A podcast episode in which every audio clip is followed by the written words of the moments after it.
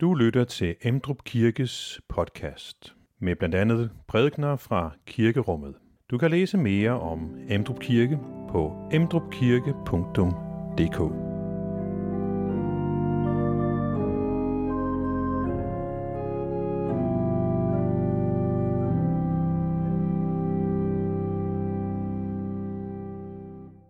Velkommen til gudstjeneste i dag anden søndag i fasten. Og det, som jeg har sat som tema i dag, er, er kamp og bønhørelse. Øhm, den øh, læsning, vi har fra øh, evangeliet fra Matthæus 15, er om den øh, kananæiske kvinde, som der er en, der har forsøgt at, at illustrere her, hvad det er, der sker. Og det er jo en beretning, som er noget overraskende, umiddelbart og provokerende, øh, hvor at der kommer en, en kvinde, som ikke er, er jøde, til Jesus for at få hjælp, fordi hendes datter plages, og hun plages så også. Men øh, umiddelbart er, er Jesus afvisende. Han svarer hende ikke et ord. Han er helt kold. Og øh, det er jo overraskende, også på baggrund af, hvad Jesus ellers kan sige, at alle, som kommer til mig, vil ikke støde bort. Men samtidig bliver den her beretning så også en beretning om en erfaring, mennesker øh, kan have i deres liv. En erfaring af netop at komme og opleve, at der er intet svar at hente, intet hjælp at hente, der er øh, tavshed. Og derfor er det også en beretning, som kan lægge op til, øh, til vidnesbyrd, hvor man kan komme med vidnesbyrd fra øh, sit eget liv, om erfaringer omkring kampe øh, i livet. Og øh, Maja vil også sige noget i dag under prædikenen, øh, og jeg vil også komme med et øh, vidensbyrd fra mit liv. Øh, og det er jo en øh, G+, vi har i dag, så den er sammensat øh, lidt anderledes end, end øh, ofte. Vi har øh, to læsninger. Velkommen til gudstjeneste.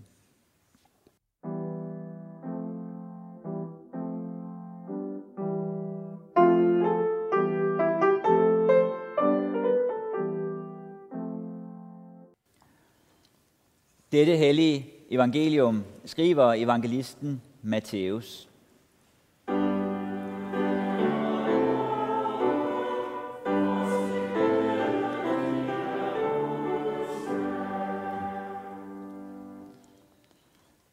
Jesus gik bort derfra og drog til områderne ved Tyrus og Sidon. Og se, en kananæisk kvinde kom fra den samme egen og råbte, Forbarm dig, over mig, Herre, Davids søn.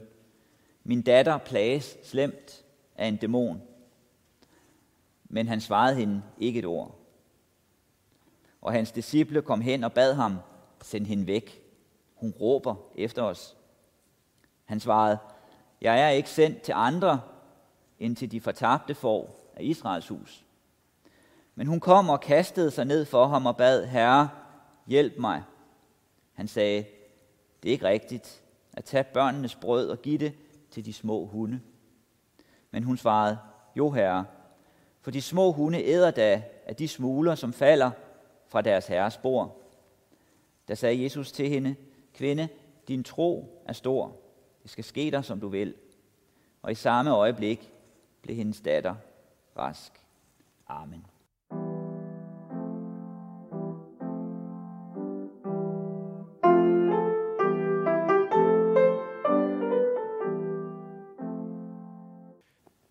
Lad os bede. tak, Jesus, at du opfordrer os til at komme til dig, sådan som vi er, med det vi har, med vores ønsker og bønder og kampe, med hele vores liv. Du ved så også, at vi i vores liv kan erfare, at vi ikke får det, vi beder om. At vi ikke modtager det, vi håber. At det ikke sker, som vi forventer. Vi beder om, at du vil lære os i vores liv, hvad det betyder. Og du vil bruge alt, som møder os, til at forme os og danne os til fællesskab med dig og med hinanden, og for at vi kan fastholde evigheden og leve med evigheden for øje. Amen. Som jeg sagde i øh, introduktionen, så et tema, som falder i øjnene, når man læser den her tekst fra, om den kanadiske kvinde fra Matthæus 15, som jeg lige har læst. Det er kamp og bøn. Her møder vi et menneske, som er udsat. Hun er, øh, hun er fremmed for Jesus. Hun er ikke jøde. Jesus han øh, er øh, her ved egne ved Tyrus og Sidon, øh, og øh, hun kommer altså til ham som en fremmed, og så kommer hun også til ham som en, der lider. Øh, hendes datter lider, og så lider hun med. Og hun kommer i sin nød. Og andre steder, så kan Jesus sige, den som kommer til mig, vil jeg aldrig støde bort. Og så kommer der her en til ham i sin lidelse, som han til afviser. Han, han kommer ikke med et ord. Han svarer hende ikke. Han siger ikke et ord. Han er kold, han er tavs, han er afvisende. Men hun bliver ved. Hun kæmper. Og så kalder han hende øh, en hund. Disciplerne vil have hende væk, fordi hun, hun er irriterende, hun råber. Men hun bliver alligevel ved. Og hendes kamp, i hendes nød, kan være en illustration af erfaringer, som mennesker kan have. Erfaringer i vores liv på forskellige måder. Og øh, Maja, hun vil her om, om lidt også sige noget fra hendes liv. Jeg har også spurgt andre om at sige noget. Nogle kunne ikke, og andre turde ikke. Men vi har alle sammen nogle erfaringer øh, i vores liv, som vi kan bære med os, og som vi kan tænke med i det her. Og de her erfaringer er erfaringer, som vi også møder i kirkens historie, og som vi møder forskellige steder i Bibelen. Vi mødte den også i den første læsning fra salme 42, hvor salmisten giver udtryk for, at min sjæl skriger efter hjælp. Min sjæl skriger, skriger efter Gud. Og hvorhen kan jeg finde Gud? Gud kan synes væk, når jeg kæmper, når jeg er i nød, og jeg er grebet af det ene og det andet, og fuld af følelser, så kan Gud synes kold. Den her erfaring er en erfaring, som kan, som kan komme til udtryk på mange forskellige måder øh, i menneskers liv. For kvinden i fortællingen her, som vi hørte før, som vi hørte fra Matthæus 15, der er der øh, noget besønderligt i den. Der er noget overraskende i den, når man umiddelbart læser den. Hvor man kan tænke, hvorfor, hvorfor svarer Jesus på den måde? Havde han behøvet det? Havde han behøvet at gribe det sådan an? Havde han behøvet at være tavs? Havde han behøvet at sammenligne hende med en hund i hendes lidelser? Og her møder vi noget, som kan undre i flere af de samtaler, vi støder ind i, som Jesus har. Og nogle gange kan vi undre os over måden, han griber dem an på, og måden, han handler på. Når vi zoomer ind og kigger. Og nogle af de samme spørgsmål kan også komme, når vi læser i det gamle testamente og forholdet mellem Gud og Israel der. Hvorfor skulle detaljerne lige falde på den måde? Men når vi så zoomer ud og kigger på det større billede, så kan vi begynde at fange mønstre. Så kan vi begynde at fange, at der er en linje i det. At øh, Jesus har en tanke med samtalen, at samtalen alligevel fører hen et bestemt sted, som giver mening, som der er sammenhæng i, som ikke er ligegyldigt. Den har en retning.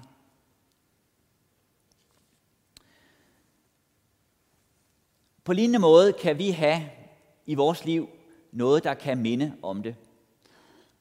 Øh, vi kan jo ikke fuldstændig identificere os med den her øh, kanadiske kvinde, men der er paralleller. Og vi kan hver især tænke på ting i vores liv. Og øh, jeg kan også tænke på ting i, i, min liv, i mit liv, hvor at øh, jeg kan ramme sig af kampe, og dem omkring mig kan. Og øh, i stedet for at, og øh, gå langt tilbage, så vil jeg øh, pege på et, et nyligt et af slagsen. Øh, for en tre uger siden, der øh, fik jeg ondt i, øh, i brystet, og vågnede om natten, og havde ondt i, i brystet, og havde også været ved at trække vejret. Fik åndenød, og stod op der klokken 3 om natten, og var noget irriteret over det, fordi jeg havde ikke rigtig tid til det. Jeg havde gudstjeneste om, om søndagen. det var natten til fredag, og der var også forskellige andet, jeg skulle. Så jeg håbede, det ville øh, gå over. Og øh, jeg øh, læste lidt øh, på nettet om det. Øh, det kan være alt muligt jo. Jeg læste også, at hvis man har det i, i mere end 15 minutter, så skal man ringe 112. Øh, og da der var gået to timer, så tænkte jeg, nu skulle jeg nok ikke vente længere. Så jeg øh, vækkede min kone, og hun ringede 112. Og så kom der en ambulance og hentede mig, og, øh, og jeg blev kørt til, til Herlev øh, Hospital. Og øh, faldredderen i ambulancen, han havde den øh, teori på baggrund af, af målinger og andet og så videre og samtale med mig, at det nok var en øh, betændelse i, øh, i hjertesækken. Da jeg så kom på Herlev Hospital, og de også lavede målinger og så videre, så sagde de, at øh, de havde en mistanke om en blodprop, at jeg havde en blodprop i hjertet, og stemningen blev lige pludselig meget alvorlig. Og så blev jeg med det samme kørt med udrykning fra, øh, fra Herlev til Rigshospitalet, og min kone sad foran i, i bilen. Øhm, og øh, på Rigshospitalet, så blev jeg med det samme lagt på operationsbordet. og øh, de førte en slange ind her. Jeg har stadig et mærke. Det er ikke et korsmærke, men dog et, et mærke, jeg har her, at de førte øh, en slange ind op gennem armen og ned i hjertet, og øh, jeg kunne følge med på en skærm, hvordan mit, mit hjerte øh, pumpede.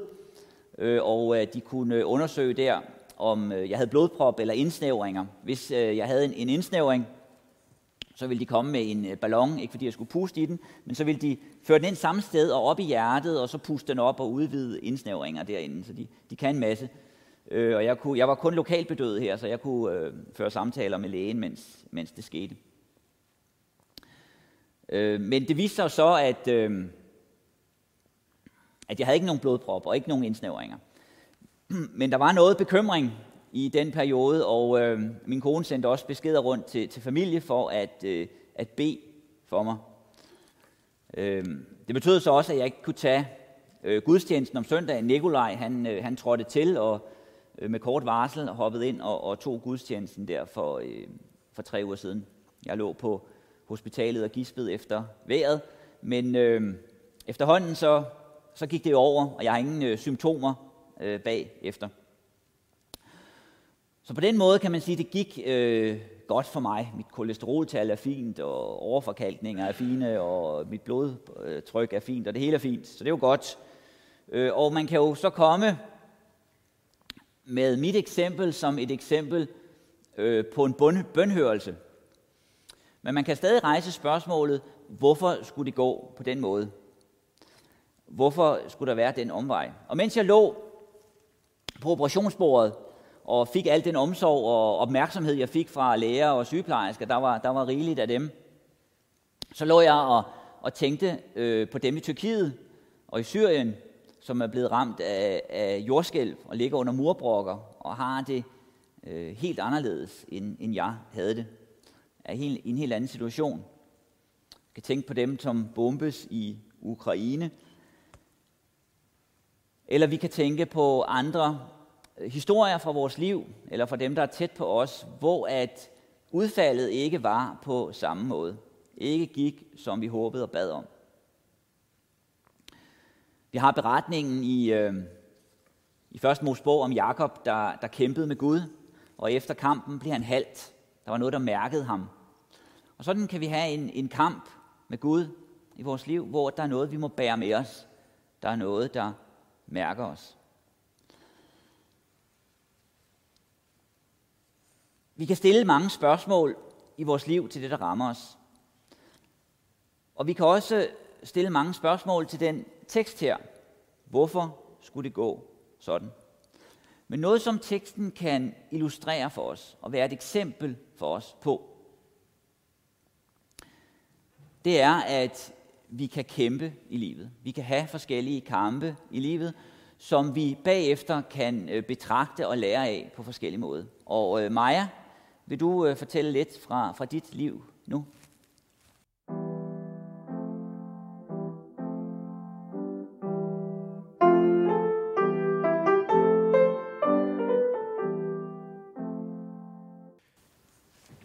Jeg har jo ikke sådan et øh, specielt langt liv bag mig, og jeg tror, jeg kommer til at møde nogle langt sværere kampe, end jeg har gjort indtil nu, øh, fordi jeg er ung, og det synes jeg, erfaringen viser, at det, der kommer meget i løbet af et langt liv.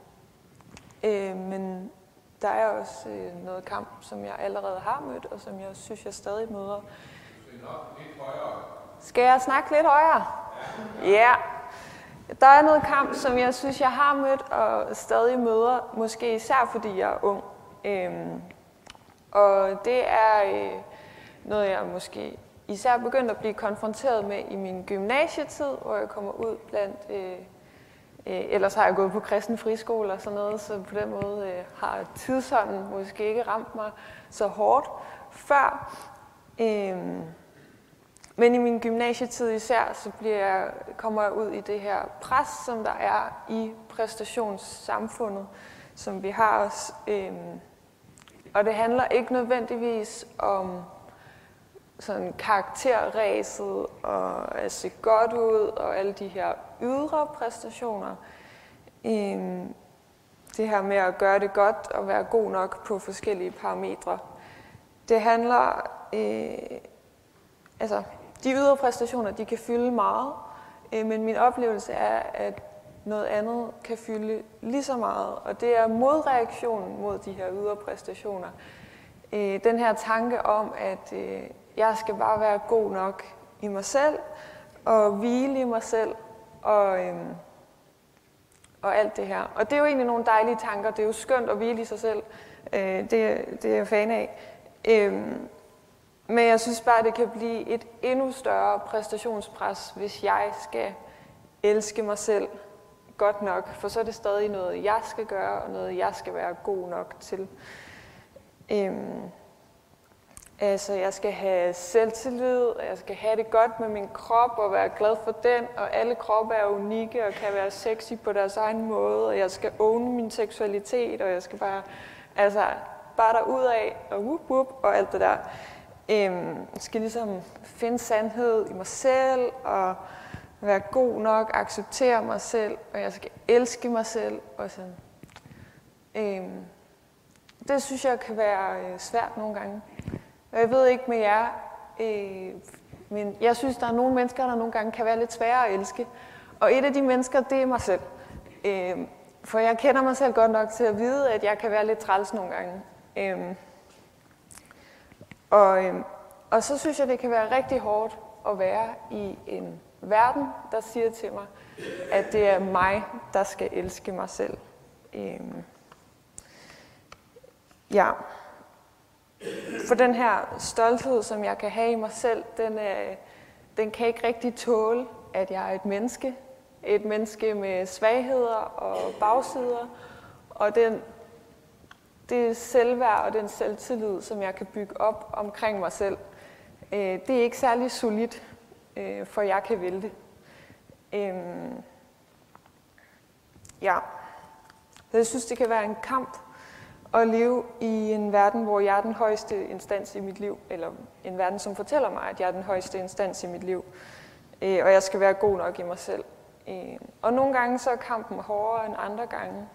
Og nogle gange har jeg brug for at sige, vent på Gud, jeg skal takke ham på ny. Øh, men jeg har altid brug for Jesus øh, i det her. Jeg har brug for at møde hans kærlighed. Øh, for når jeg møder den, så kan jeg blive sat fri fra at skulle være god nok til noget som helst. Øh, fordi det egentlig ikke handler så meget om, om jeg er god nok. Det handler øh, om, at Jesus elsker mig. Øh, det er ikke en kærlighed, som jeg skal præstere eller finde inde i mig selv. Øhm, den er der bare. Jeg er elsket. Og, og det kan jeg jo så bruge et, et helt liv på at prøve at forstå, tror jeg. Men øhm, ja, det er i hvert fald en kamp i mit liv.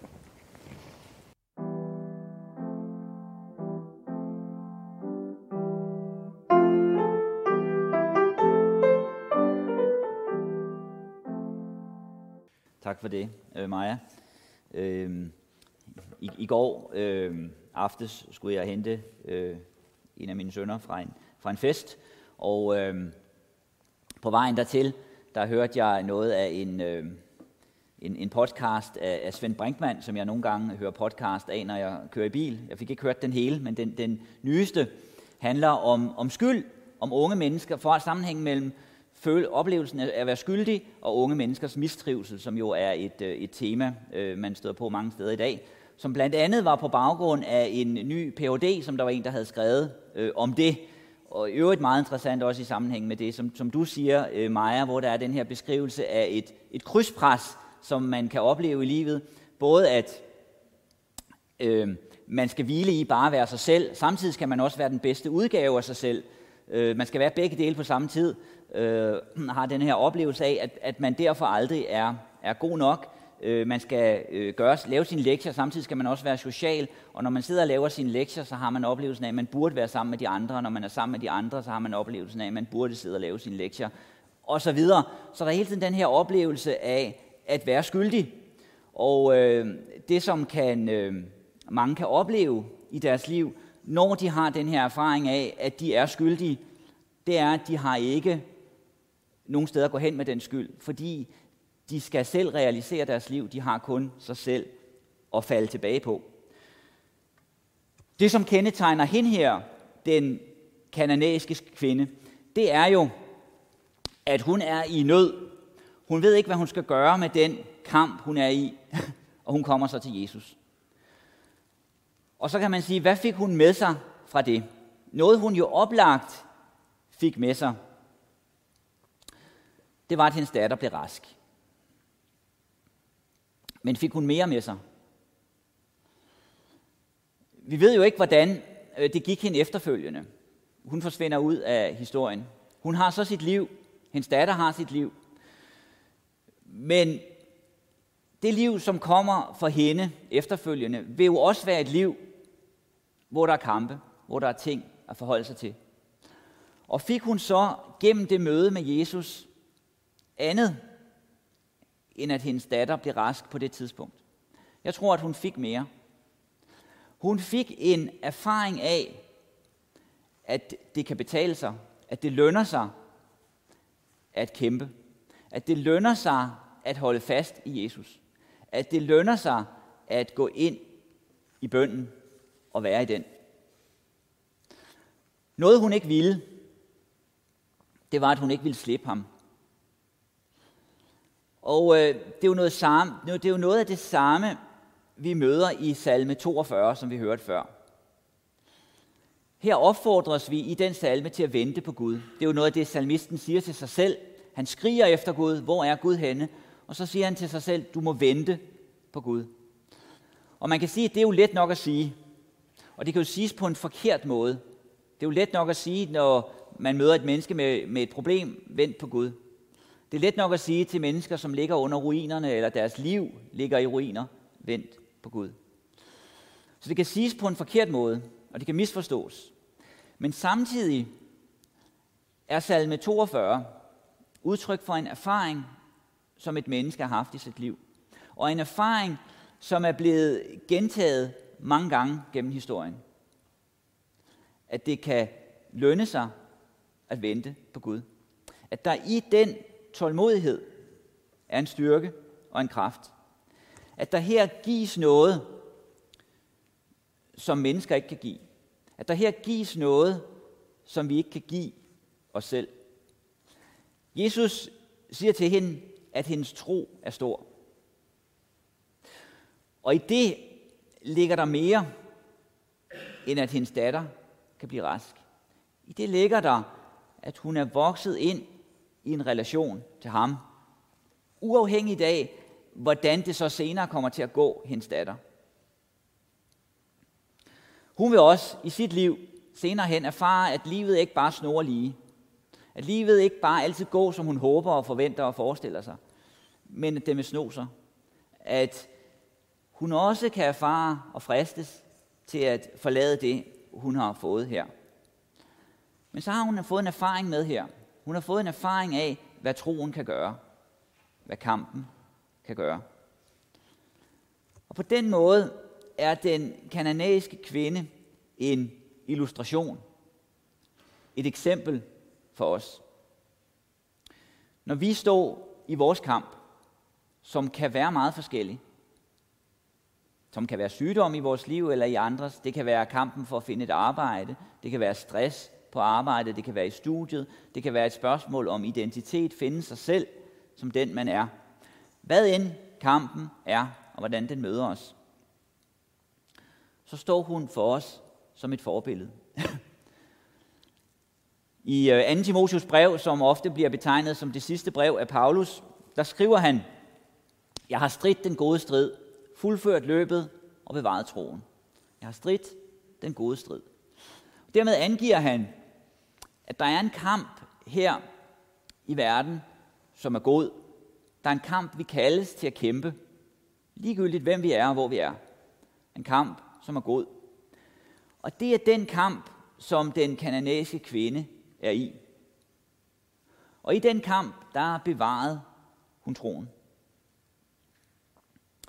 Et spørgsmål, vi derfor kan stille os selv, det er, på hvilken måde kan vi spejle os i hende? På hvilken måde kan vi se os selv i hende? På hvilken måde kan vi sige, at vi har noget i vores liv, hvor vi på en eller anden måde, ligesom hende, kan synes at erfare, at vi kommer til Gud med det, men vi får ikke det, vi ønsker, eller han tøver, eller det går anderledes, end vi forventede. Om det er i vores eget liv, eller i nogens liv, som er tæt på os. Og at vi så her kan lære af hende. At Gud har en vej, som i mange situationer er anderledes end vores, og tænker anderledes end vores. Og at Gud kan skabe noget ud af vores kamp. Skabe noget, som vi ikke kunne give os selv. Fordi han vil føre os hen til hans velsignelse. Det, som han vil give os. At leve i det, at leve i den bøn, i den relation og i den kamp, det er at leve i tro. Amen. Find flere podcast og læs mere på emdrupkirke.dk